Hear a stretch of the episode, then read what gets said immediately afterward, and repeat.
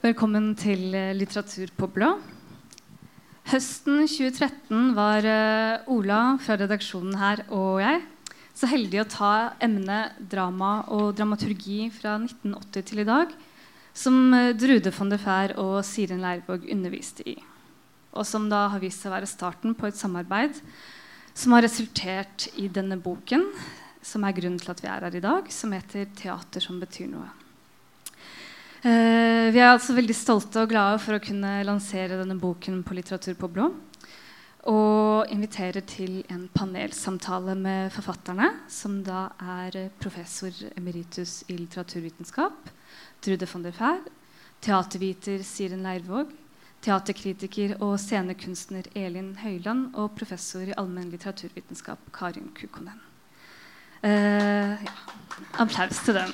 Og gratulerer. Eh, før Ola tar over, skal jeg bare si at samtalen vil vare ca. en time. Og så vil det være mulig å stille spørsmål etterpå. Og nå gir jeg ordet til forlagssjef i Solum Bokvennen, Gunnar Totland.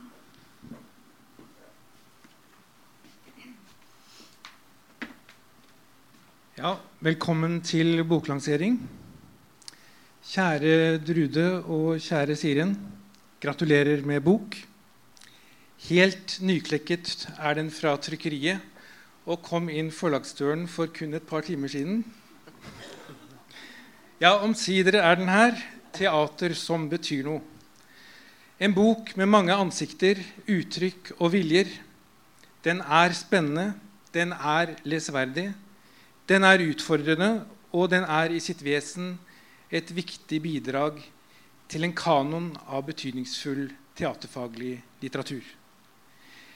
I et spenn mellom dramatikk og iscenesettelse er den en øyenåpner og en tankevekker av en bok som viser teaterets kraft som kanskje den viktigste arena muligens, for å diskutere menneskets vilkår i verden i dag.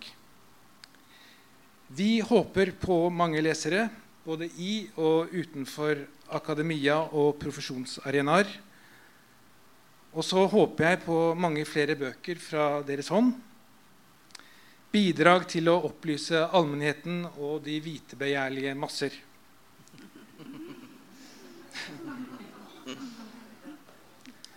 På vegne av Solum Bokvenn og Vidar-forlaget takker jeg for samarbeidet så langt. Og ønsker boken all lykke på ferden til de lesende skarer. Igjen gratulerer med dagen.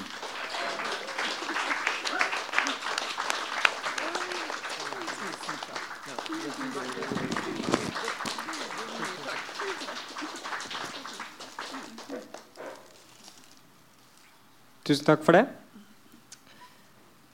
Velkommen eh, alle sammen til eh, lanseringen av denne boken, 'Teater eh, som betyr noe'. Og gratulerer så mye, Drude og Siren. Nå har det blitt sagt mange ganger nok, tror jeg. Men også takk til Elin og Karin, som vil stille i det, i dette panelet, som i løpet av den neste timen skal diskutere boka. Vi er en gjeng med nokså ulike bakgrunner. Noe som kjennes ganske riktig når vi nå skal snakke om en bok som ikke bare tenker veldig tverrestetisk, men også beveger seg mot områder som etikk, politikk, hjerneforskning og teaterpraksis. Um, teater som betyr noe, handler uh, på et veldig overordnet plan da, om uh, forholdet mellom Og jeg har prøvd å korte det ned til fire punkter her. Den skrevne teksten uh, for scene, teaterrommet, kroppen og det politiske. Uh, herunder tas et utall spørsmål opp, som f.eks. Uh, hva det vil si, eller kanskje heller hva det kan, kan, kan, bety å gå i teatret i dag. Det stilles også spørsmål rundt uh, hvilke erkjennelses, erkjennelsesteoretiske syn som representeres av ulike dramaturgier. Um, og det stilles spørsmål om hvordan nyere litteraturforskning, i dette tilfellet den kognitive litteraturforskningen kan hjelpe oss i å forstå samspillet mellom språk, hendelse, kropp og tenkning. Sist, men ikke minst, spørres det også hvordan teatret og sceneteksten for den del kan skape endring, individuell endring så vel som kollektiv endring. Blant spørsmålene jeg nå stiller meg selv etter å ha lest uh, denne boken, er f.eks. Uh, dette. Uh, boken, og særlig begrepet kontekstsensitivitet, fikk meg til å tenke på ansvaret som ligger i enhver kunstproduksjon. Um, I boken så er forfatterne veldig opptatt av publikums effekt. Men det er klart at en tekst eller en spillestil ikke bare gjør noe med sitt publikum, den gjør noe også med emnene den tar for seg. Eh, I sosialantropologien og folkloristikken eh, så har de et begrep. Eh, det tror jeg de har fra Foucault. Det er metadiskursive praksiser. Og jeg tenker at det begrepet fungerer godt her. Det handler om at en eh, behandling av noe, en kontekst, et tema, en diskurs, selv vil da i varierende grad, så klart, være med å forme eh, diskursen som man egentlig bare prøver da å omtale. Um, da slik at selv vitenskapelige undersøkelser av noe, som, uh, av noe, kan sies å være i seg selv performative eller aktivt handlende og formende overfor sine analyseobjekter. Um, det samme gjør potensielt litterære behandlinger eller behandlinger i teatret av utenomtekstlige forhold. Eh, litteraturen og teatret er virksom, kan man si. Eh, kontekstsensitivitet gir meg assosiasjoner også til et begrep Arne Melberg eh, brukte i en tekst en gang. Eh, litteratur som virksomhet. Eh, altså at den handler ute i, eh, i verden. og så er mitt spørsmål Legger ikke dette et tungt ansvar på den som skaper og utøver kunst? Eh, eller er teater og litteraturen bare, et, eh, bare åpent spørrende? Dere snakker mye om eh, kritikk, at teateret er kritisk, at det er politisk, at det er tenkende. Men, hva, men hvor konfronterende er denne tenkningen eller kritikken egentlig? Og eh, ligger det mye ansvar i kunstproduksjonen ettersom teatret er politisk, som dere sier at det er. Dette var i hvert fall noe jeg begynte å tenke på. Uh, og som jeg gjerne vil uh, at vi snakker mer om senere. Uh, men først skal vi til Drude og Siren, som vil presentere arbeidet sitt. Og vi begynner med deg, Drude. Ja, takk skal du ha. Eh, veldig gode spørsmål. Vi, jeg skal prøve å si litt om det. Vi kommer tilbake til det. går etter Veldig gode spørsmål. Dette er jo en ganske lekker bok. ikke sant? Nydelig å se på. Men siden noe som er viktig, det håper vi jo. Det er, er et viktig spørsmål da. Gjør den virkelig det? Jeg tror jeg har sittet og Jeg har ikke sett på boken, for den kommer jo for et øyeblikk siden nærmest.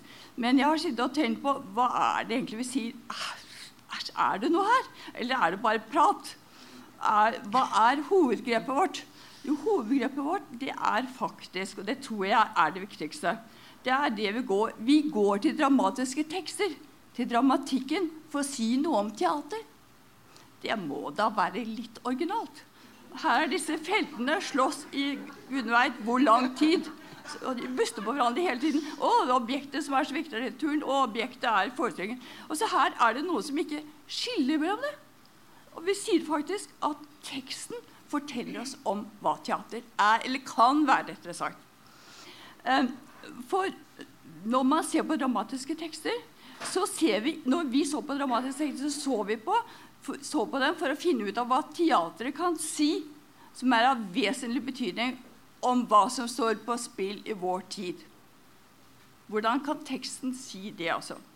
Og det å gå til verks, fra tekst til teater, det innebærer et utsagn om hva teater ikke nødvendigvis er. For teater kan jo være så mange, veldig mange ting. Men hva teater kan være. Og det teater kan være, har å gjøre med hva og hvordan mennesker erkjenner. Erkjenner er et filosofisk begrep, men det er også helt dagligdags. Det betyr hvordan vi får innsikt i vårt vesen, hvem vi er, og, og det samfunnet vi lever i, og verden rundt oss. teater er et dypt i den forstand, er teater et dypt filosofisk medium. Og, og, en av de tingene som virkelig har inspirert meg, det er å lese den franske filosofen Alain Badiou. Han, han, har skrevet om masse ting, men han skriver også på slutten av sitt yrkesaktive liv om teater. Fordi teatret sier noe om hvor filosofien er, står i dag. Det syns jeg er utrolig interessant. Men for å kunne gripe av dette som teatret kan være, og at det kan bety noe vesentlig for mennesker som lever nå, så har vi altså utviklet noen begreper om hvordan publikum kan bli påvirket. For det det dreier seg om, er jo å få fatt i publikum, påvirke publikum. Og det er en filosofisk sak, erkjennelsesmessig sak, det er en teatral sak, det er en tekstsak osv. Det henger sammen i vårt arbeid med begreper Jeg skal ikke kjede dere med de begrepene. Det er, det er litt sånn hjemmesnekrede og litt tungvint og litt håpløst. Egentlig ikke noe å skryte av de begrepene. Ikke alle.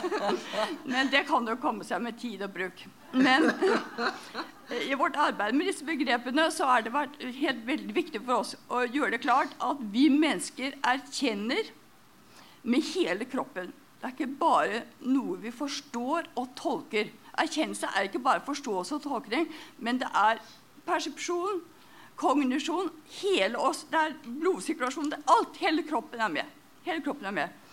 Og hvordan, hvordan, henger det egentlig sammen? Og Det er der den kognitive teorien kommer forsøksmessig inn. Nå er ikke jeg ekspert på det. Jeg sluttet liksom akkurat, gikk av med pensjon akkurat på terskelen så å si, til den vitenskapen. Men vi har Karin Kukon med oss her, som virkelig er ekspert på det. Så vi kan sikkert få noen kommentarer fra henne senere.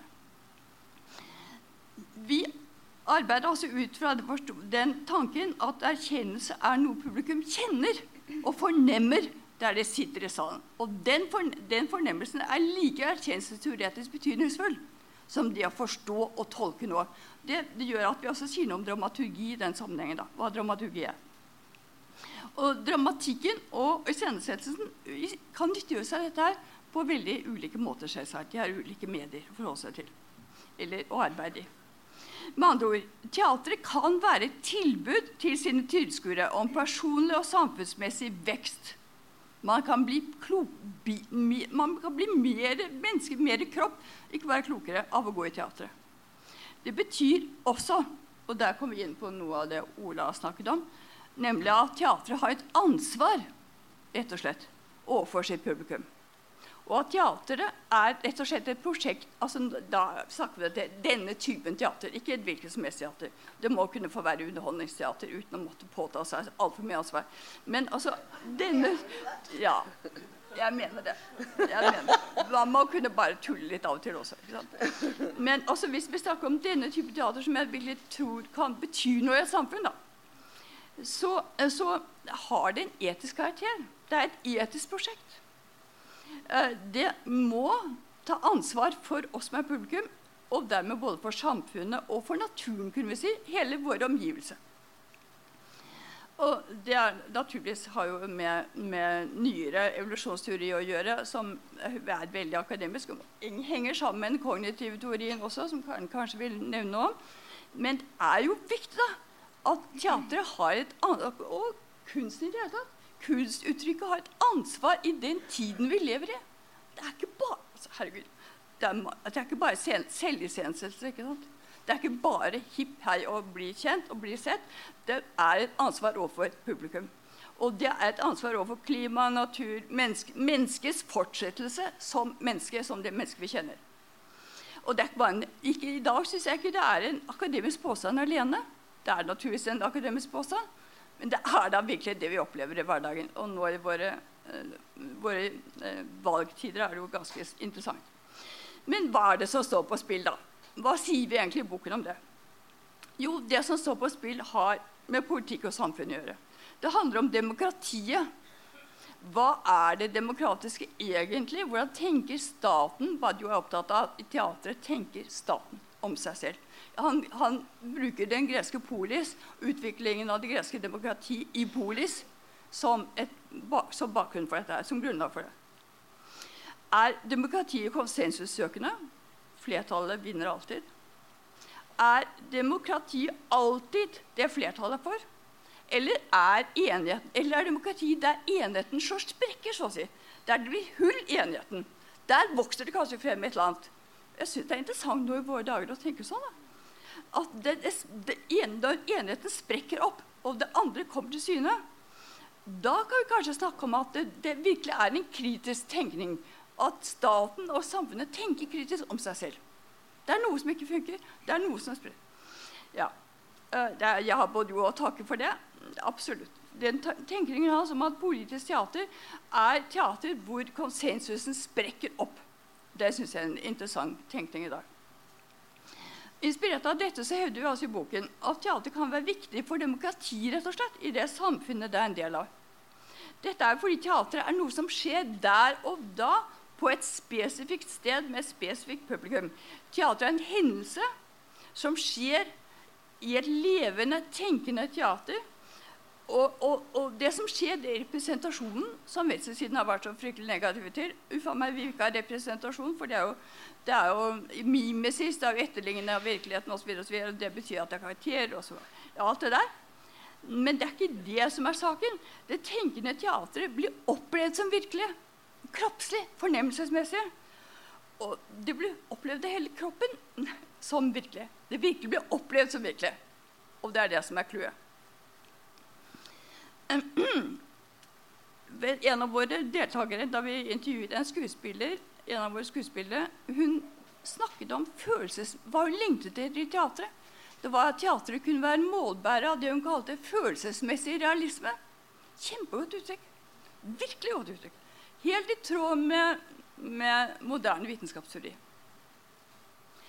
Um, altså jeg synes at Det er spennende Jeg synes det har vært veldig teoretisk spennende å arbeide med å knytte politikk i en badiosk forstand. da. Ikke saksrettet, for, ikke saksrettet forhold, men det grunnleggende i den demokratiske tenkningen.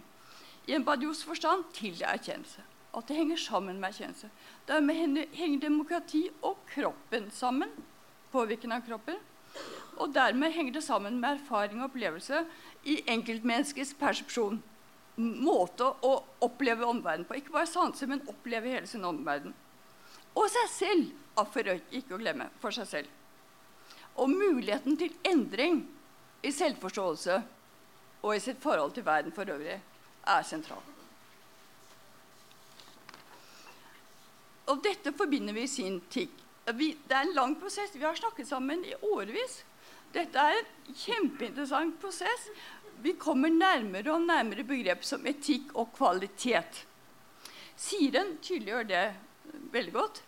Eh, tydeliggjør det etiske aspektet i sitt arbeid med Fride Jelinek. Hun er toppen. Hun er toppen altså. Uh, I forbindelse med hennes stykke 'Ulrikke Maria Stort'. Og Jeg er inne på i Hanke-kapittelet i boken. Nå er det ingen her der jeg kan provosere med det kapitlet. Jeg kommer nemlig frem til at Hanke ikke skulle hatt Ibsenprisen. Men nå er det jo ikke noen her som kan bli sinte, så det var jo litt leit. Eh, eh, ja, kvalitet er inne på i det kapitlet. Er som, er, det er noe vi fornemmer. Og det er noe som er helt nødvendig for rett og slett liv. Altså livs, livsfølelse. Eh, helt bokstavelig. Vi må ha kvalitet for å leve som biologiske organismer. Det vil si at Vårt poeng er at teatret er kjenselsuttrykk peker på sammenhenger som har med politikk og etikk å gjøre, og kvalitet. Og vi tror, slik en del teoretikere som vi har lest, tror at teater kan være med på å skape en form for nytt samfunnsmessig lim. Et samfunnsmessig lim, noe som holder oss sammen. Og det kan være med på å skape en ny samfunnsmessig sjenerøsitet på tvers av, altså splittelser. En ny sjenerøsitet. Det har med etikk å gjøre. ikke sant? Det har også med det fysiske å gjøre. Et nytt alvor, vil jeg kalle det.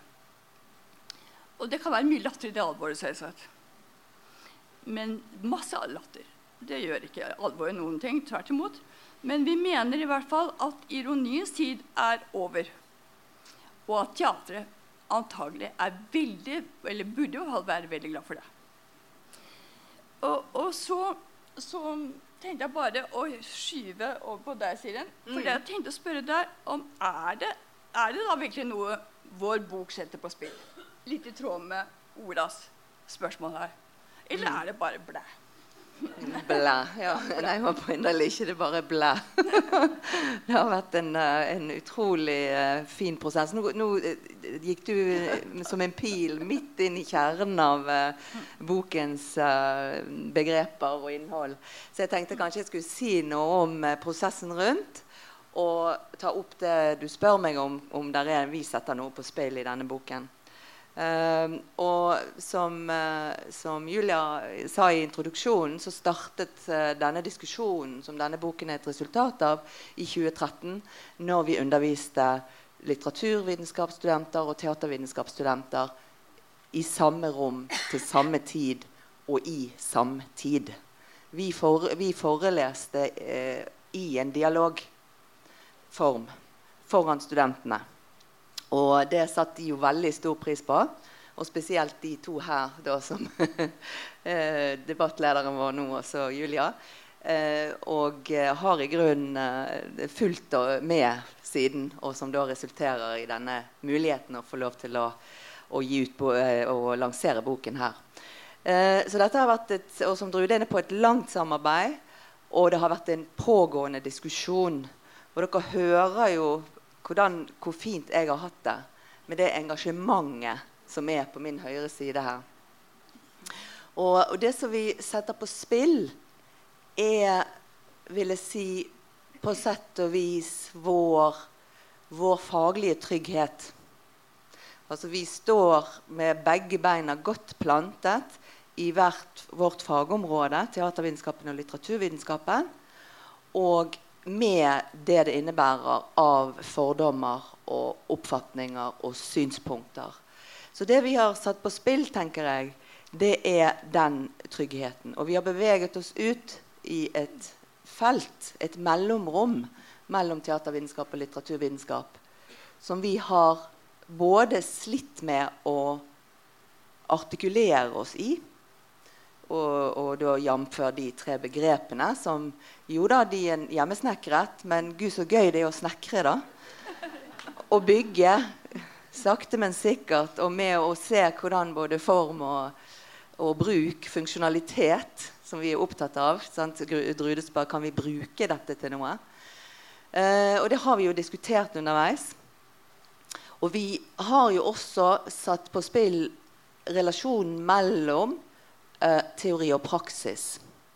Nå skal det eh, sies at akkurat eh, erkjennelsesspørsmålet som Drude var inne på nå, er jo rotet. Altså har sitt grunnlag i en filosofi og i en tid og i en teaterform hvor, var, hvor erkjennelsen nettopp var teori og praksis i teatret.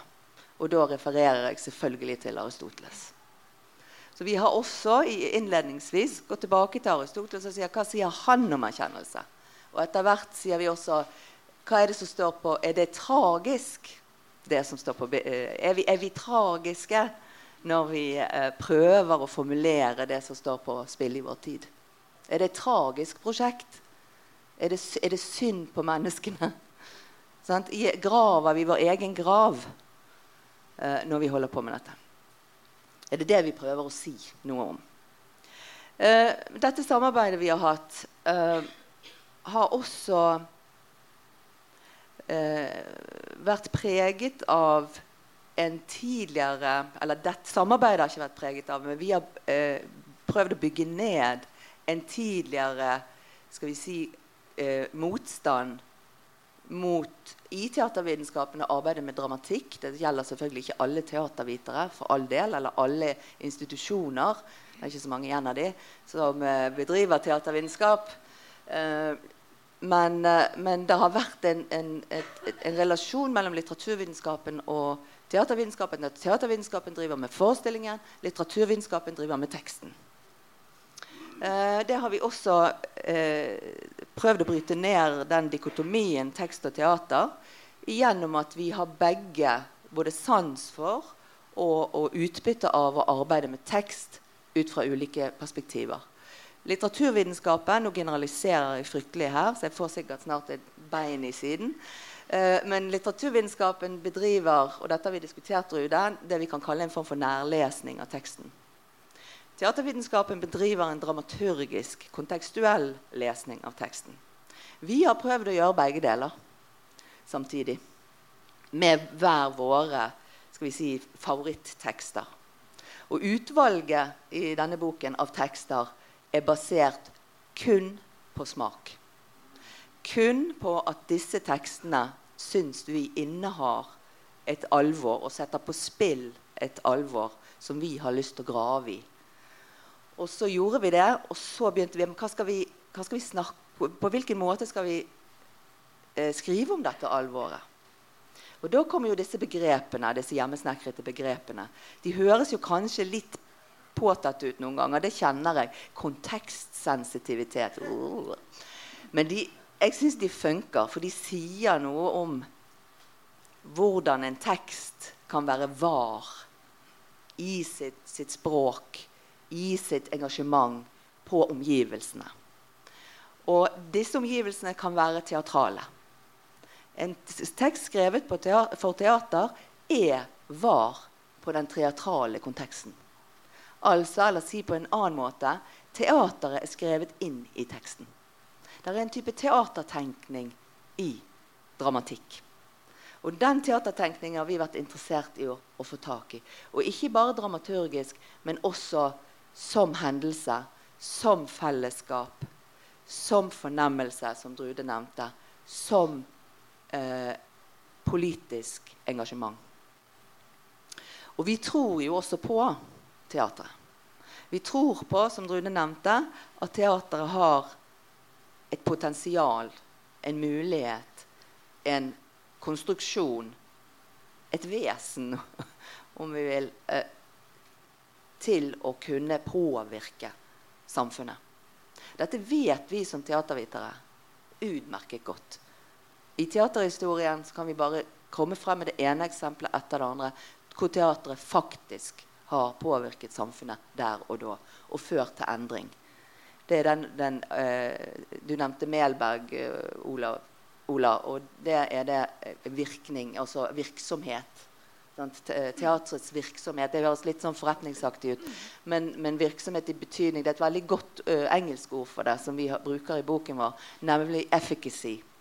Og Det er en av mine guruer, Rikard Scherkner, som bruker det. Hvordan teatret virker på sine omgivelser. Sosialt, estetisk, kulturelt, rituelt uh, og um, politisk. Ikke nødvendigvis, men det kan vi komme tilbake til. det er en annen diskusjon. Uh, det, som, det som, eh, vi har klødd oss litt i hodet på uh, om, det er om uh, det er klart nok, dette som jeg snakker om nå i boken, om hvor iscenesettelsesaspektet er henne.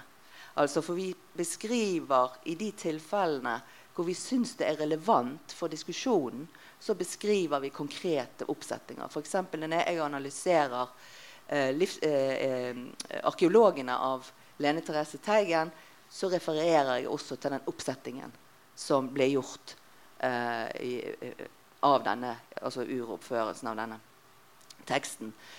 fordi at der er det så tett sammenheng, og det handler om at Lene Therese Teigen er både dramatiker og regissør. Så der det er et poeng hvor en, Det er ikke bare det at teatertenkning er skrevet inn i teksten, men det er også skrevet en regi inn i teksten som det går an å, lese ut. Eh, og det vi lurer på, er om noen sier ja, men teater som betyr noe, så handler det mest om tekst. Men det har jo du for så vidt allerede sagt noe om, Drude, at eh, vi ser ikke Vi bryter ned, hugger ned skillet mellom tekst og teater på en måte som vi håper og tror og mener eh, gir mening. Og som også da betyr noe for relasjonen mellom teatervitenskap og litteraturvitenskap i fremtiden. Vi, jeg tror vi kan si det såpass, eh, med såpass store ord at vi opplever og direkte at vi opplever at vi har gjort noe for relasjonen mellom teatervitenskap og litteraturvitenskap, mellom teori og praksis, eh, for fremtiden. Det tror vi på. Så flott.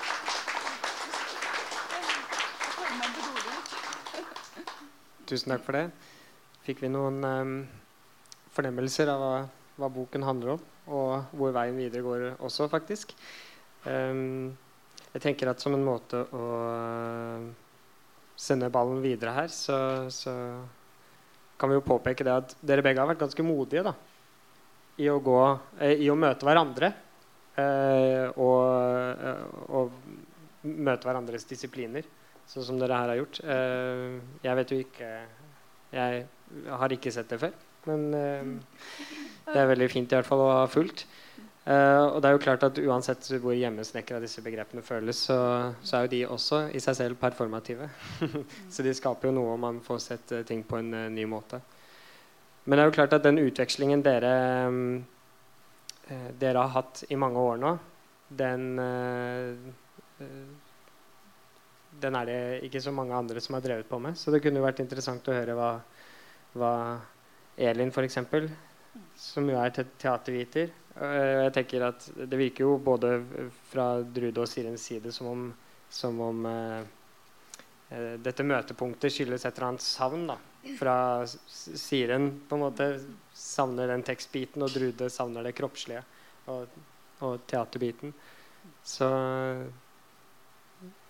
hvordan syns du det har vært å lese denne boken?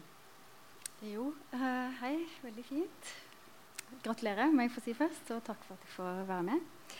Um, veldig glad for å ha fått lov å um, lese på et tidlig tidspunkt. Og uh, opplevde det som ganske inspirerende. Uh, nettopp pga. det dialogperspektivet, eller mye pga. det. Um, for meg som teaterviter er det jo en liten sånn reise tilbake i mye som virker kjent, men så er det hele veien noen sånne nye omdreininger. Um, så hvis jeg skal snakke liksom fra som, som eh, teaterviter, så vil jeg si at boka på en måte føles litt som to steg bakover. Uten at det er dårlig. Fordi at alle som har gått på teatervitenskap, vet dette med kroppen. Vi vet veldig mye om performativitet, og at Eh, og kontekst, kontekst, kontekst, som var mantraet til Siren Løvåg på en del forelesninger. Så det er mye her som på en måte virker veldig kjent i det performance, altså sett fra et sånn performance-teoretisk ståsted.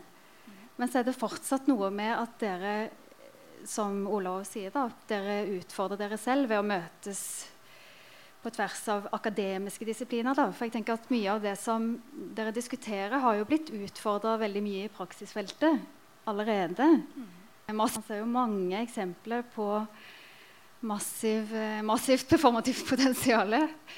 Og, og, ikke minst dette med betydningen av kontekst, hvorvidt teater skal være politisk. Altså det har jo vært ja, på forskjellige måter både faglige diskusjoner og masse både interessante og kanskje mer eh, hva skal man si, forgjengelige forsøk i praksisfeltet. Så, men, eh, men, da dette med Kanskje jeg skal, skal, tenke litt på hva, altså, hva, boka inspirerer meg til, er jo nettopp å ta de altså, Jeg syns jo de begrepene er fine og, og veldig eh, Veldig brukbare. Så Publikum har kanskje ikke fått vite det ennå engang. Så da kan jeg, jeg kan godt ta den jobben. Ja, det disse damene legger på bordet, eller, eller, gir oss av verktøy, er da tre, tre hovedbegreper. Det er det første performativt potensial, som vel Nå må dere bare korrigere meg eller stoppe meg. Som vel um, prøver å måte, ta uh, dramaturgibegrepet litt videre og til et sted hvor nettopp man kan snakke om performativt potensial uavhengig av om det da er teksten eller iscenesettelsen. Um, og, og, da kommer dette med det kroppslige inn, og fornemmelsen av nærvær, som er et av de andre punktene. Mm. Um, hvordan publikum opplever og kan fysisk mm. fornemme med hele, hele sitt apparat. Mm. Det er vel det du òg vil si litt om. Og, og, så er det dette med kontekst. Kontekstsensitivitet. Og det syns jeg er et veldig, veldig glad for det eh, tillegget. Har som sagt uh, vært mye ute i dette med kontekstens betydning. Um, i kontakt med Sirens uh, undervisning. Men dette med um, å legge til sensitivitet syns jeg er veldig, veldig bra. Fordi det sier noe om at uh, for det første at det kan bety veldig forskjellige ting. For jeg regner med at som mennesker så kan òg eh, kunstverket eller teksten eller forestillingen være sensitiv på ulike måter. Og lytte eller fange opp i seg ulike signaler. Så da er vi også inne i at dette her trenger ikke bety én ting. Men vi løfter det opp på et sånt veldig interessant eh, persepsjonsmessig eh, nivå. da.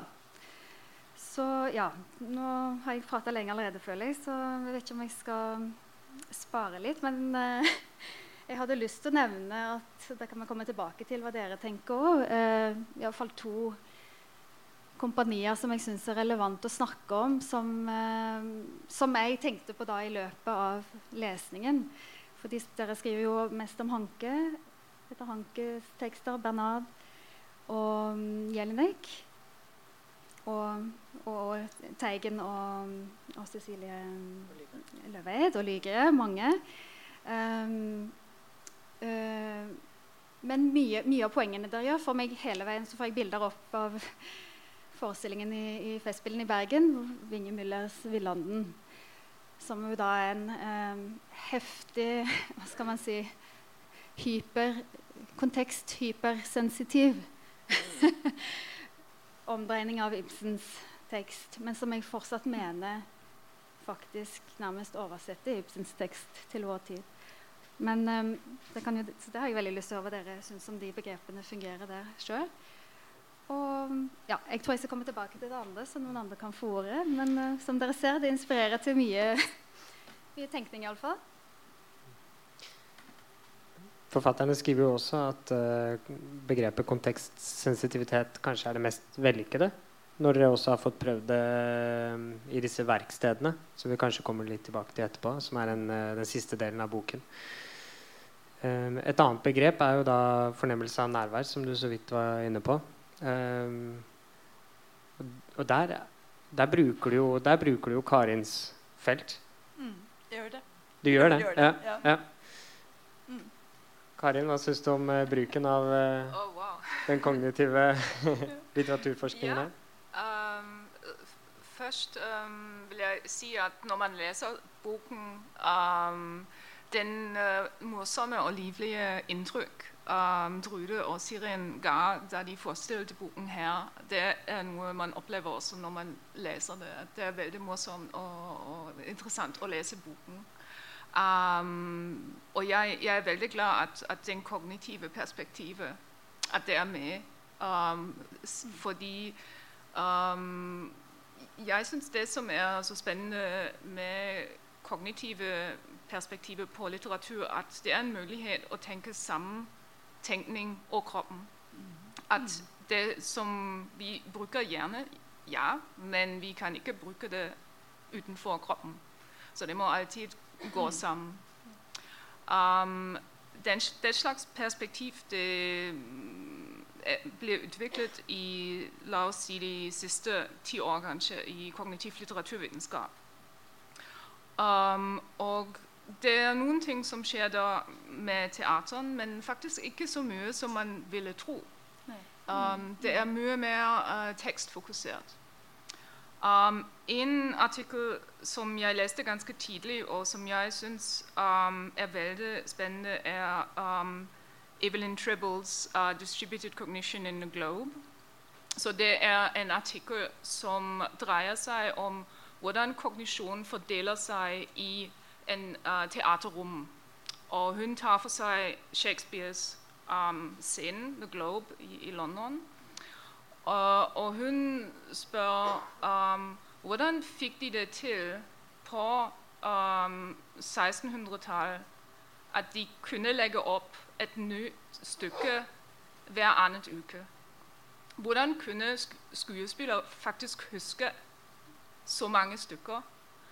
Hvordan fungerte det? Så det er en, et spørsmål som er et kognitivt spørsmål. Det er et spørsmål om hukommelse, først og fremst. Men Tribbel sier ja, det har noe med hukommelse å gjøre, men det har også noe å gjøre med kropper på scenen og med den omverden, den materielle omverdenen i selve teatret. Så hun ser på hvordan scenen er designet, og også hvordan skuespillere gir hverandre ordet på scenen. Uh, på hvilken retning de går um, på scenen, og på hvilken retning de går av scenen. Og hun viser at disse skuespillere de trengte faktisk ikke å lære hele stykket. Det var nok å bare lære uh, sine egne replikker. Og med den um, design av selve scenen og den verbale replikkdesign innen Shakespeare uh, til de seg. Og Tribbles uh, argumentasjon er at det er faktisk den materielle omverdenen som støtter her hukommelse. At man får til noe som på det første ser ut som det er helt Det går helt overfor det som vi klarer å gjøre. Men i samarbeid med det materielle og med bevegelser og kropper på scenen, så får man sånne ting til. Og jeg syns det er en veldig spennende um, ja, blikkvinkel på um, teater. Men på samme tid så, så syns jeg også at er det nok?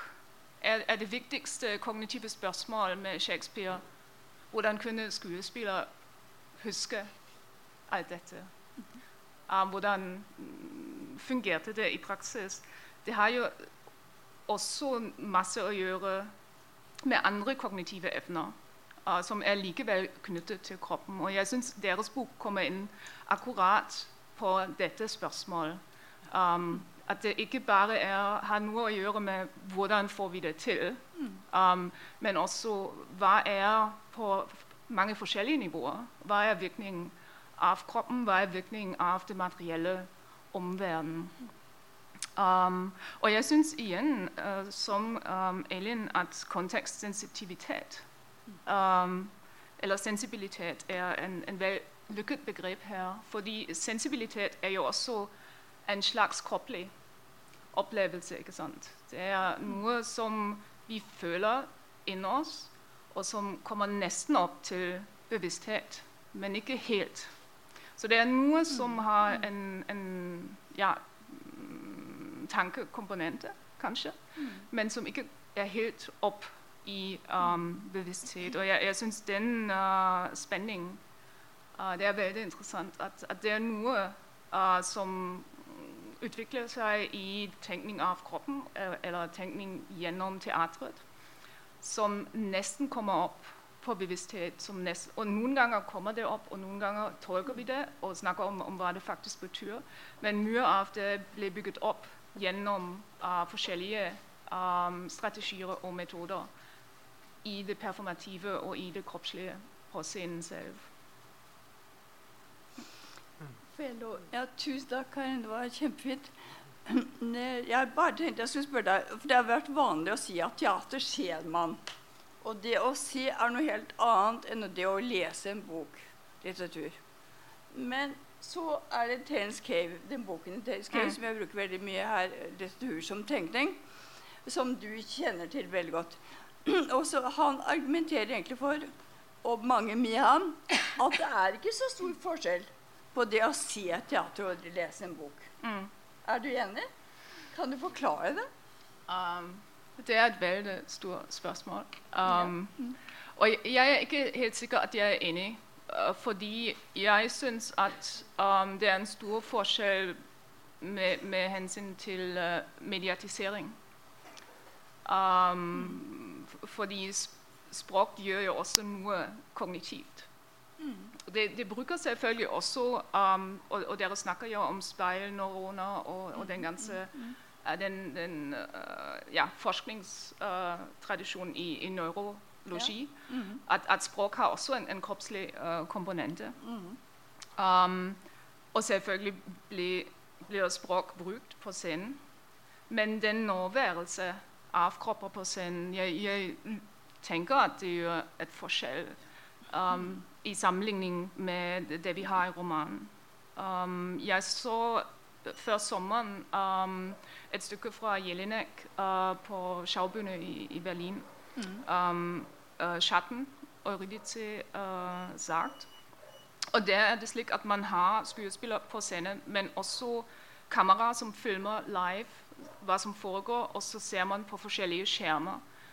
Så at, at man blir bevisst av at ja, man har kropper på scenen, men man ser et visst perspektiv. Og man ser ikke alt. Og at også kroppen på scenen er en slags mediatisering. Mm. Um, mm. Så jeg syns det, det, kunne bli veldig spennende å snakke litt om ja. den slags forskjell gjennom mediatisering. Nettopp. Interessant. Mm. Var det flere som ville kommentere noe der? Eller? Mm, ja, det er jo for så vidt en, og en diskusjon som jo stadig tas opp i teatervitenskapen nå, som um, vanligvis som, som dere også påpeker i boka, så handler om en sant, altså opp, oppgjøret nærmest med den dramatiske teksten og en slags modernisme i teater, hvor man har rendyrka den sceniske formen og, og dette med kroppsfokuset. Den kroppslige at, at, det, at, det, da er noe annet. Så man har jo òg en um, um, Man har jo òg en retning der som, som, er veldig opptatt av nettopp av Som for så vidt du, Trude, kommer inn på, den ideen om teateret som en slags garanti for et, slag, for et fysisk fellesskap da, som kanskje gir noe annet enn Eller noe vi mangler, da. Svarer på noe vi mangler mm. ellers. Um, så er det kanskje et spørsmål tilbake da, om hva du, hva du sjøl tenker om det. fordi um, kanskje det er en liten forvirring der. nettopp hva altså mener, jeg, med, jeg, tror at man kan si litt uh, Kanskje begge deler. altså at uh, hvis, hvis, man spør uh, det å lese en tekst og det å se en teaterforestilling begge en kroppslig opplevelse, så svarer jeg ja.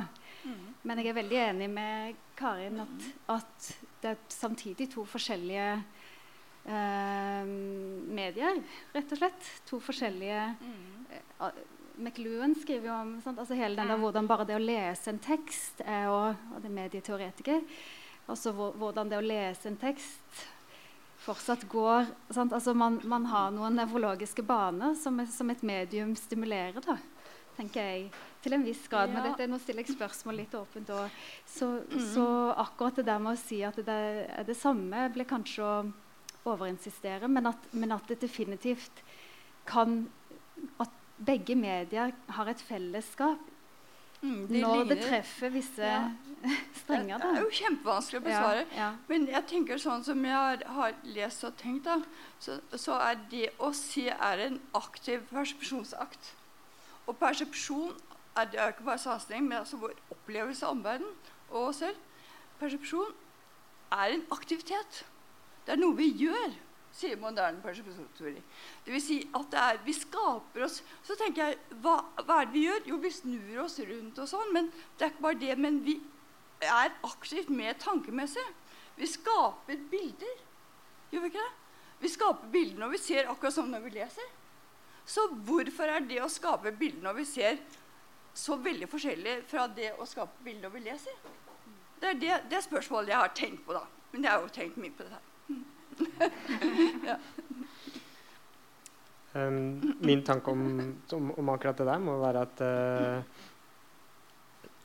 en stor forskjell um, mellom, mellom, virkelige kropper på, på scenen og, og, det å, å, lese en tekst uh, Det er at det er en mye større risiko da, på scenen. Og det gjelder også i, i, um, i i musikkverden når man spiller konserter og, og, og, sånne ting.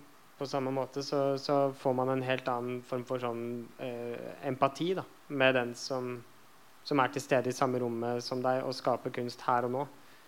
Mens i, i, i, i teksten Men det har noe med forestillingen vi har om tekst å gjøre òg. At den, den, er på en måte død. da at, eh, så, så, så, med en gang du sier at persepsjonen føler jeg bruker det ordet mye, også er performativ. da. At den, ja, den ja, også den gjør noe. ikke sant? Så, mm. så uh, med en gang du sier det, så må vi jo kanskje uh, justere litt forestillingen vi har om tekst òg. Som at det som skjer i teksten Da må vi skille mellom hvordan vi opplever og hvordan det reelt sett er. da. Men altså, det oppleves kanskje som risikofullt i scenetekster òg. Ja, ja. Mm, absolutt. Men det er klart at det å stå på scenen gjør Og en skuespiller er jo veldig sårbar. Det er jo en Mm. risiko å stå der. ikke sant? Det er klart. Og det føler jeg litt er sånn som forskningen også er. Altså Hvis det virkelig er interessant forskning, ikke bare sånn man beviser det man allerede vet, allerede vet men det som, det, forskning for meg er virkelig å utsette seg selv for fare. Og det er det jeg mener du, som du snakker om, at vi gjør. Altså man, man må prøve virkelig å forstå den andre part. Og så Hva er vitsen med å drive og tenke da, hvis man bare skal tenke på de samme gamle tingene? Altså, vi, vi må jo prøve å forstå de andre. Ellers så kan det jo ikke bli noe fortsettelse på noen ting. Ja, Unnskyld meg, jeg ble litt følelsesaktivert. Mm. Helt enig med det, og det er, eh, det er virkelig noe av det som, uh, som er så kult med denne boken. Den er virkelig original på det grepet. Uh, Elin, du skulle si noe? Og du også etterpå? Ja. Ja, bare en tanke om dette med tekst og, og iscenesettelsen. At, at for, kanskje må man ikke der heller på en måte eh, nødvendigvis eh, feste det helt, hvordan det egentlig er. Til og med, fordi jeg tenker at det, også, det er jo veldig komplekst. Hvem er mottakeren? Hvem er avsenderen? Sant? Og alle de faktorene som spiller inn i persepsjonsfeltet, da, de er jo mange. Så, men det jeg tenker som er nyttig uansett, i forhold til dette med det performative potensialet og den kraften både en tekst og iscenesettelse kan ha, som virker, vil virke, på en måte gripe mottakeren og fysisk med. Da tenker jeg det er nyttig å tenke på, på kunstverket som rom. altså at man, sant, Teksten kan føles like mye som en teaterforestilling som et rom, men, men det er et annerledes rom. Hvor man kanskje har mer av styringen sjøl. På en måte. Fysisk.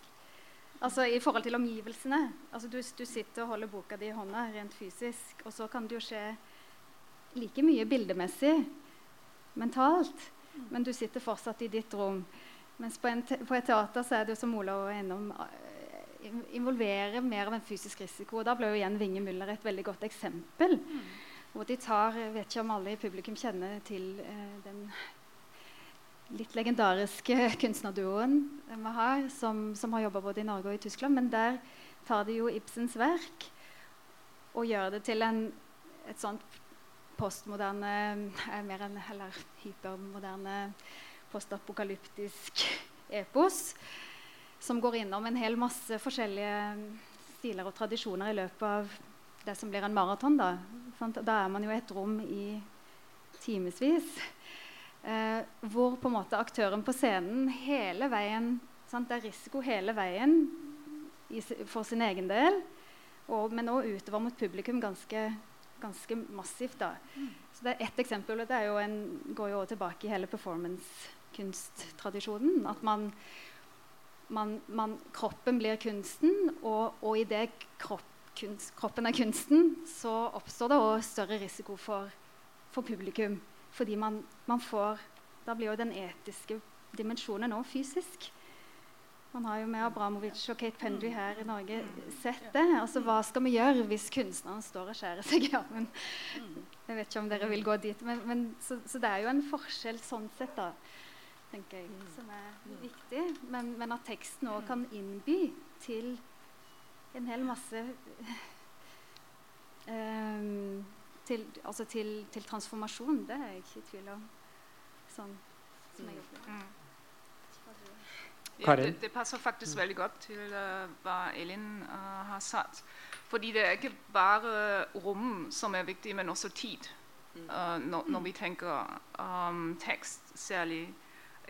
Det er helt riktig at, at, hvis en kropp er på scenen, så er det en helt immediat empati eller, eller forhold vi har. Og jeg syns at hvis vi leser, og særlig når vi leser roman, som vanligvis tar mye lengre enn å gå på teater, mm. at, at, det også utvikler seg en empati som er like intenst, som er like sterk, men som tar lengre um, å ja, komme ut. At, at, man må leve med teksten for en uke. Og så mm tenker man mens man ikke leser, om, om det man har lest, og, og, hva som skal skje nest, hva man håper at uh, karakteren får til, etc. At det blir liksom uh, ja, vevet inn i, i, ditt liv. Så hvis vi tar tid, så syns jeg at vi finner også en, en slags um, ja, kanskje performativ potensial i teksten og, og, i lesning. Bare at det fungerer annerledes. Ja. Mm. Men så tar jo ikke nødvendigvis en scenetekst flere dager, da. Å lese det kan jo ta to, to og en halv time. Ja, det, det, er ikke Jeg snakker mer generelt om uh, å lese en tekst um, som en mediatisering. Selvfølgelig kan mm. du ha en, en novelle en, som du kan lese inn, innenfor to timer. Ja. Så da er det Jeg tenker bare Tidsspennet kan være like lenge hvis du er i et teater og ser et stykke, og hvis du leser et, ja, et lesedrama. da. Men, ja. ja. Men, men tid er fryktelig vanskelig når det gjelder å lese dramatikk. Moderne dramatikk, mm vel merke. For det, det, det, kan jo leses veldig fort. Og da går man glipp av nesten alt som er. ikke sant? Mm. Mm, at, ja, fordi man får ikke med seg noen ting. rett og slett, Det er bare, bare liksom ordene. Men, men, det med tidsaspektivet er jo viktig, for egentlig er det veldig tidskrevende å mhm. lese mm. samtidsdramatikk. Du må bruke fryktelig lang tid bare på, på setning for, Eller det er kanskje ikke setninger engang, så, men ord så er så sakte virksomhet. Og det er det jo ingen som skjønner eller vet av publikum. At mm. Hvis de skal lese dramatikk, så tar det forferdelig lang tid. Det er ikke lavere, ikke sant? Så det er jo problemet i seg selv. Mm. Det med tid er viktig. Mm. Mm. For å da, for å da Ja, skulle du si noe nå? Ja, En liten kommentar? Eller? Egentlig vil jeg bare litt sånn, gå litt tilbake til boka. fordi det var jo det spørsmålet om savn, savn og mangel i, i, våre respektive fagfelt. Og det, det som jeg um, Sånn har liksom snakka litt om der Det som kan sies om teaterfeltet og, og liksom den praksisen som er på en måte ekstremt ganske ekstrem allerede i sitt performative uttrykk. Men um, men dette med omtale av dramatisk tekst og de nyere tekstene det syns jeg òg var utrolig flott lesning til, fra begge. Men det var veldig liksom, Kjente at det der, der hadde vært et tomrom da, i teatervitenskapen. Så det, det syns jeg er verdt å, å trekke fram.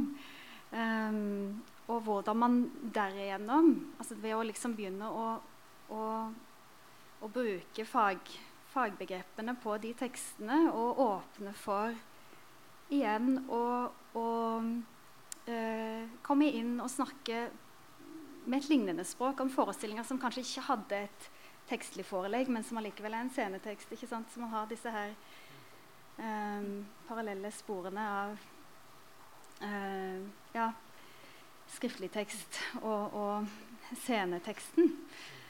Og jeg tror at de begrepene dere har lagd, kan fungere veldig bra for å, for å gjøre mer av den typen teatervitenskapelig arbeid, og på tvers av, av fagene. Så det kan vi jo høre litt ja, uh, Siden dette er et uh, release-party av boken, så tenkte jeg kunne komme med en fristillelse til som angår hvordan boken er bygget opp. For vi har så vidt vært inne på at boken består av uh, fem kapitler hvor vi analyserer tekst. Og kapittelet avsluttes med at vi har en dialog oss imellom om det som vi har analysert oss frem til, og stiller hverandre spørsmål. Så vi opprettholder den dialogiske formen i hvordan vi har utformet boken. Det som har vært problemet vårt, det er at når du skal gjøre en sånn dialog levende som tekst, så, så blir det ofte litt sånn oppstyltet. Å ja, sier du det? Å ja. Så har, det har vi strevd litt med. Og det gleder vi oss litt til å få tilbakemelding på. Og i kapittel seks så har vi altså hatt tre verksteder med skuespillere fra Nationaltheatret og Oslo Nye og dramaturg Njål Mjøs. Det var utrolig interessant. For da brakte vi rett og slett begrepene ut på gulvet. Og sku, skuespillerne kjente igjen begrepene, men hadde sine eh, Eh, tilsvarende begreper. F.eks. så ble performativt potensial raskt oppfattet som spillbarhet. Og, de, og, og en, sånn, de, følte seg hjemme i disse begrepene, men hadde sine varianter av det. Og det var utrolig interessant. Og dette jo gjorde vi selvfølgelig fordi vi hadde lyst til å appellere til praksisfeltet. Ikke bare si at vi eh, syns at eh, hva praktikere, altså de kunstnerne, mener om disse begrepene er viktig, og så håper vi at det går bra. Men vi prøvde det rett og slett ut. Også i siste, aller siste kapittel så har vi intervjuet eh, eh, personer som vi har hatt lyst til å intervjue. Bl.a. biskopen i Oslo om eh, hva som står på spill, om etikk. Blant annet. Eh, Kari Weiteberg. Ja. Eh, som også er teaterviter, by the way. Eller har teatervitenskapsbakgrunn, Så er det sagt.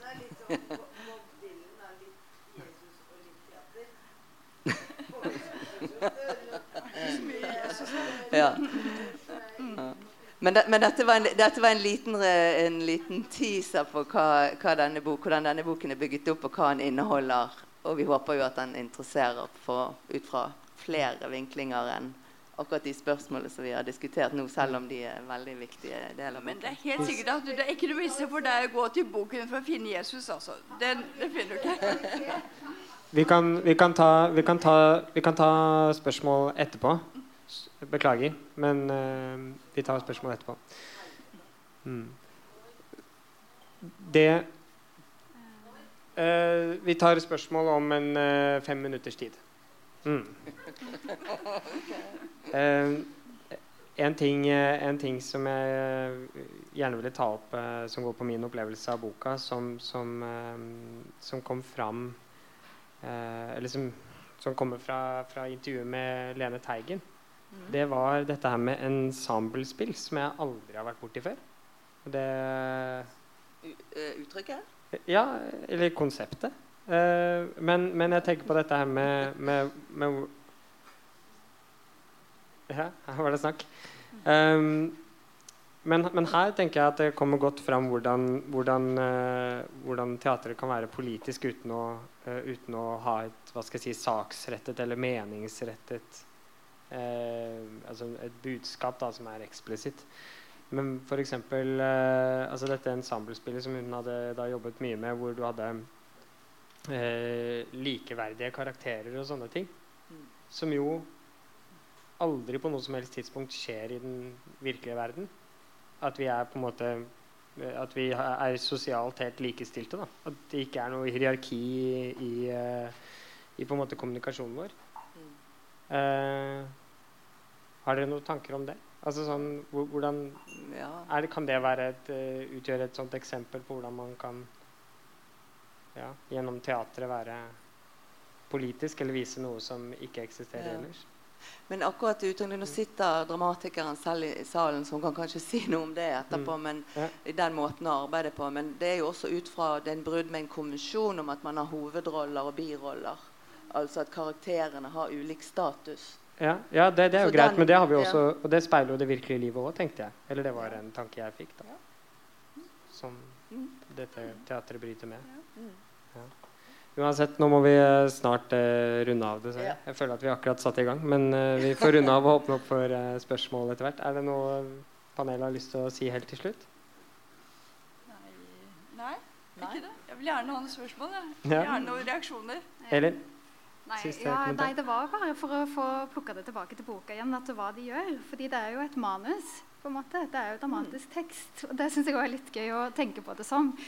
For jeg opplevde, Du spurte meg bak der, Drude, hvordan jeg opplevde, eller om det var tungt å lese det. og så Det blir litt sånn ja, nei. Jo, nei. Ikke i det hele tatt. Fordi det er jo hele veien eh, sånne sprang fra veldig altså dypt teoretiske og veldig inspirerende og, og veldig gjennomarbeidede perspektiver på, på, dramatikken, som er virkelig ja, givende å lese.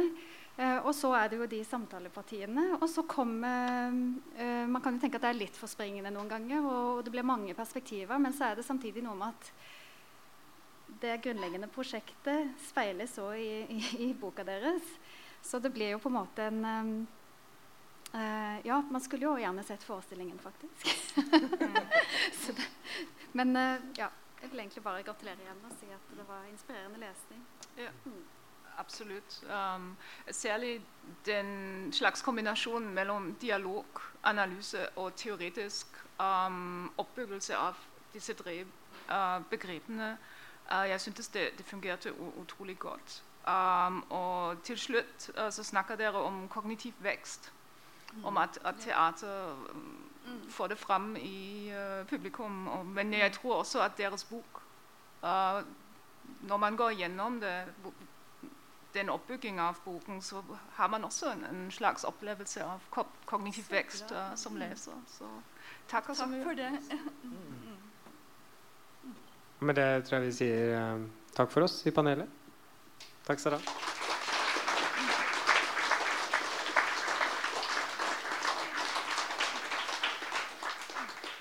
Og så åpner vi opp for spørsmål. Vi, vi trenger vel ikke mikrofonen nå, tenker jeg. Hvis folk eh, snakker høyt og tydelig, så kan vi bruke mikrofonen i Vi kan prøve. Prøve uten først. Ja. Er det noen spørsmål? Vær så god.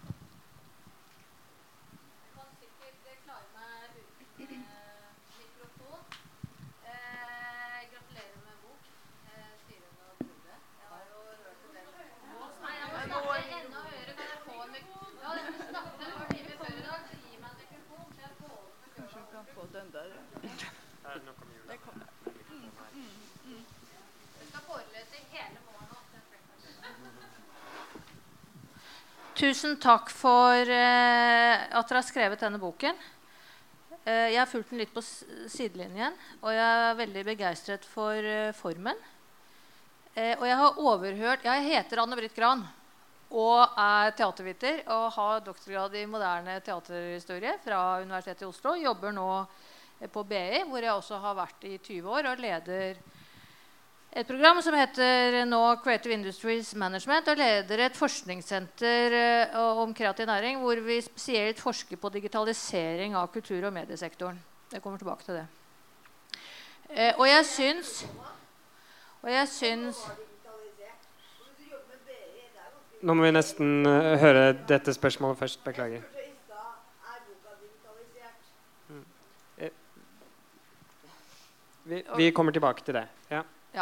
Eh, og da vil jeg si først og fremst takk til en sånn eh, samtale om eh, teater som er veldig lenge siden jeg har hørt. At man kan liksom sitte og diskutere sånne eksistensielle og filosofiske ting om teater. Det er jeg aldri borte lenger. Eh, og tusen takk for det. var veldig deilig å høre på. Jeg er veldig begeistret for noen av begrepene deres, og spesielt kontekstsensitiviteten. Jeg betrakter meg selv som kontekstualist, men jeg er helt sikker på at det betyr noe annet for meg. For så fort man snakker om kontekst, som er jo det som ligger utenfor teksten, er jo et vidunderlig begrep eh, for litteraturvitere. Eh, det som er utenfor eh, teksten, som litteraturvitere egentlig ikke er så gode på, da, men teatervitere er veldig gode på det. Og det har noe med historikken og sånn å gjøre. Og da mitt, Jeg har noen spørsmål, og så har jeg noen opplysninger, noen faktaopplysninger. Det er deilig. Og det første er til liksom kontekstbegrepet. For liksom begrepet kontekstsensitivitet er helt fantastisk. Men når man da ikke sant, Teksten er jo lett å definere ikke sant, for litteratur. Fantastisk. Det er innenfor denne her er en sånn blekka her. Det blir litt vanskeligere når man blir digital. Ikke sant, Konteksten er veldig vanskelig å definere. Så mitt spørsmål til dere er liksom, hvor begynner hvor begynner konteksten i forhold til teksten, og når slutter på en måte den konteksten dere snakker om? For For meg er kontekst Jeg jobber veldig kontekstuelt i, i, i, masse forskningsprosjekter. Og der liksom, konteksten er jo liksom samfunn og normer og verdier, og det er globalisering, og det er digitalisering, og det er islamsk religious revival osv. osv. Mens liksom alle disse begrepene, som er kontekster på en måte, for oss i et helt sånn konkret prosjekt som handler om bl.a. bokbransjen, eh, det, det, hører vi liksom ikke noe om. Så er, tenker dere da konteksten som jeg elsker begrepet, men er konteksten bare teaterrommet? Sant? Hva er forholdet mellom teaterrommet og Vi har ikke lest boka. ikke sant? Den kommer jo akkurat, vi har jo ikke ikke sant? Jeg spør jo helt blankt her. Eller liksom, Hva er sammenhengen mellom teaterrommet og samfunnet? Og hvor er digitaliseringen? da? Dere diskuterer, Det var det ene spørsmålet. Vi kan svare på det. ikke sant? Hvor begynner teksten? Hvor slutter teksten, og når begynner konteksten? Hvor langt ut går konteksten, sånn som dere tenker dere? dere? Og det andre spørsmål, eller Det er ikke egentlig et spørsmål, men det, men det går på det å lese tekst og se eh, sant? Det å lese og se. Dette gjøres sykt mye undersøkelser på. Dere har selv på Universitetet i Oslo hatt det store visualiseringsprosjektet til Ina Blom. At kulturen visualiseres. Kulturen, Dette har vi masse statistikk på. Liksom, unge mennesker de orker bare se film. De orker ikke lese bøker. Lesing går ned. Man selger mindre bøker, man leser mindre, man låner mindre bøker på biblioteket. Det å lese er en aktivitet som er utrolig krevende i en digital tid. Som har bl.a. med en digital resepsjonshorisont. Og jeg savner, Dere snakker om persepsjon, men jeg mangler resepsjonsbegrepet. Liksom det jalske. Dere kjenner så godt. Resepsjonshorisonten. Hvor er liksom resepsjon? er forholdet mellom resepsjon og, og persepsjon? Og hvor er da resepsjonshorisonten i konteksten deres? For den endrer så mye. Lesing går ned, dokumenteres i hele den vestlige verden. Det visuelle går opp. Det som også går opp, er å høre. Lydbøker istedenfor å lese. Alt lesebok går ned lytte til bøker går opp. Så det er noen store resepsjon, altså empirisk sett resepsjonsmessige endringer som er konteksten for teatret. Og, det, er liksom, det, er derfor disse spørsmålene henger sammen. Hva er, hva er, den resepsjonsteoretiske konteksten for teatret? Og er, liksom, hva er konteksten deres? For jeg, jeg elsker kontekstsensitiviteten. Men jeg skjønner ikke hvilken kontekst man skal være sensitiv i forhold til. Ok, Jeg har ikke lest boka. Kanskje det står. Eh, Anne-Britt, eh, hvis jeg får lov, uh, Ola, så vil jeg gjerne si, uh, svare deg på det. vi refererer jo I bruken av kontekstbegrepet så refererer vi til Wilmar Sauter og hans Og der ligger kontekstene utenpå hverandre, hvis du husker hans modell. Det gjør du helt sikkert. Og da er den teatrale konteksten midt inni med sine Eh, persepsjonsmodus, altså det som går på det estetiske, emosjonelle osv. Uh, og så ligger verden ute som den ytre konteksten. Eh, den type kontekstbegrep er det vi har uh, i hodene våre, og, håper inderlig at, uh, at, de kommer frem her i teksten vår. Og, og, men det er jo et veldig interessant spørsmål, for vi har vært inne på dette med resepsjon. Uh, om, om, vi skulle ta det med eller ikke. Og, og, vi har sagt ifra at vi har valgt å ikke gjøre det. Men jeg er ikke sikker på om vi har begrunnet det så godt. Og hvis vi, hvis vi, hvis vi kunne eh, tillate oss å skrive 50 sider til, så kunne vi kanskje ha For det, jeg, jeg syns det var et veldig godt, uh, veldig godt spørsmål. Og, og, og ikke ha lest boken, så er du utrolig sensitiv.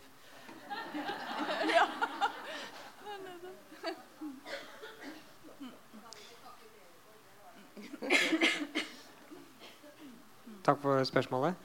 Er det flere spørsmål?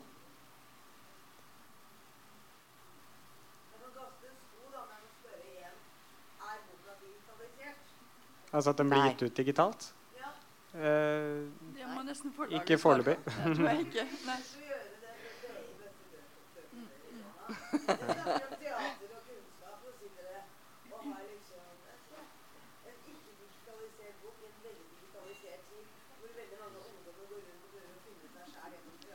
Nå svarer, nå svarer forlaget deg. I morgen kveld. Okay. Så bra. Er det flere spørsmål?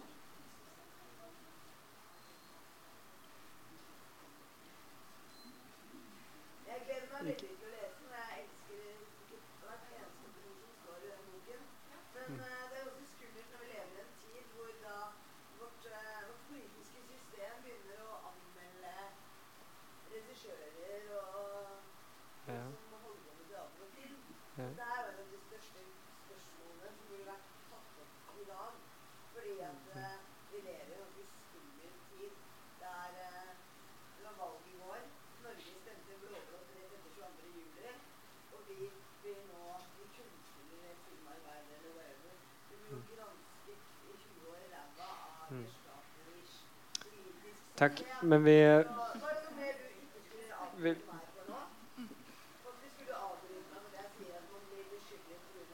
Jeg tror det var en som ville spørre. Ja. Unnskyld, vi må bare slippe til noen andre. Ja. Hei, Trude og Siren, og tusen takk for dette her.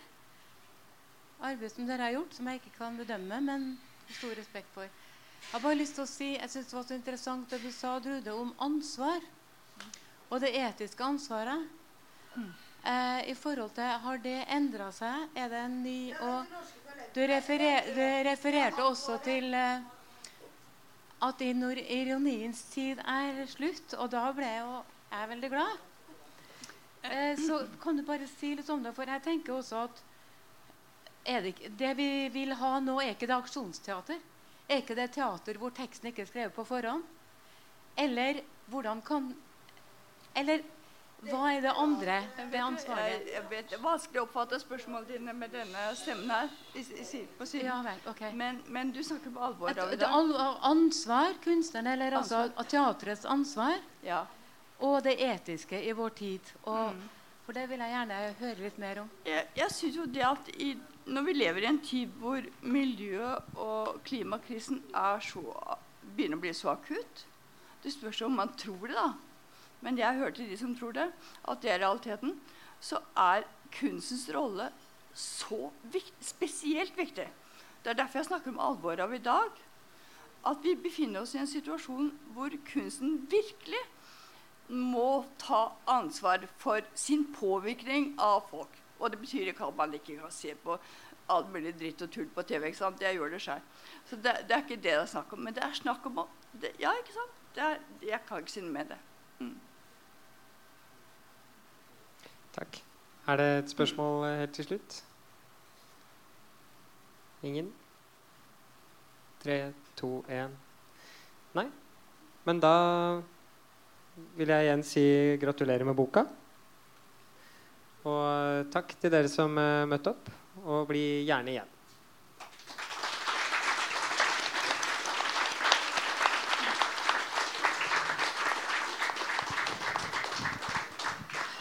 Tusen takk. Da skal jeg bare legge, til at uh, neste tirsdag så er det en uh, kveld om Tony Morrison. Så kom da også.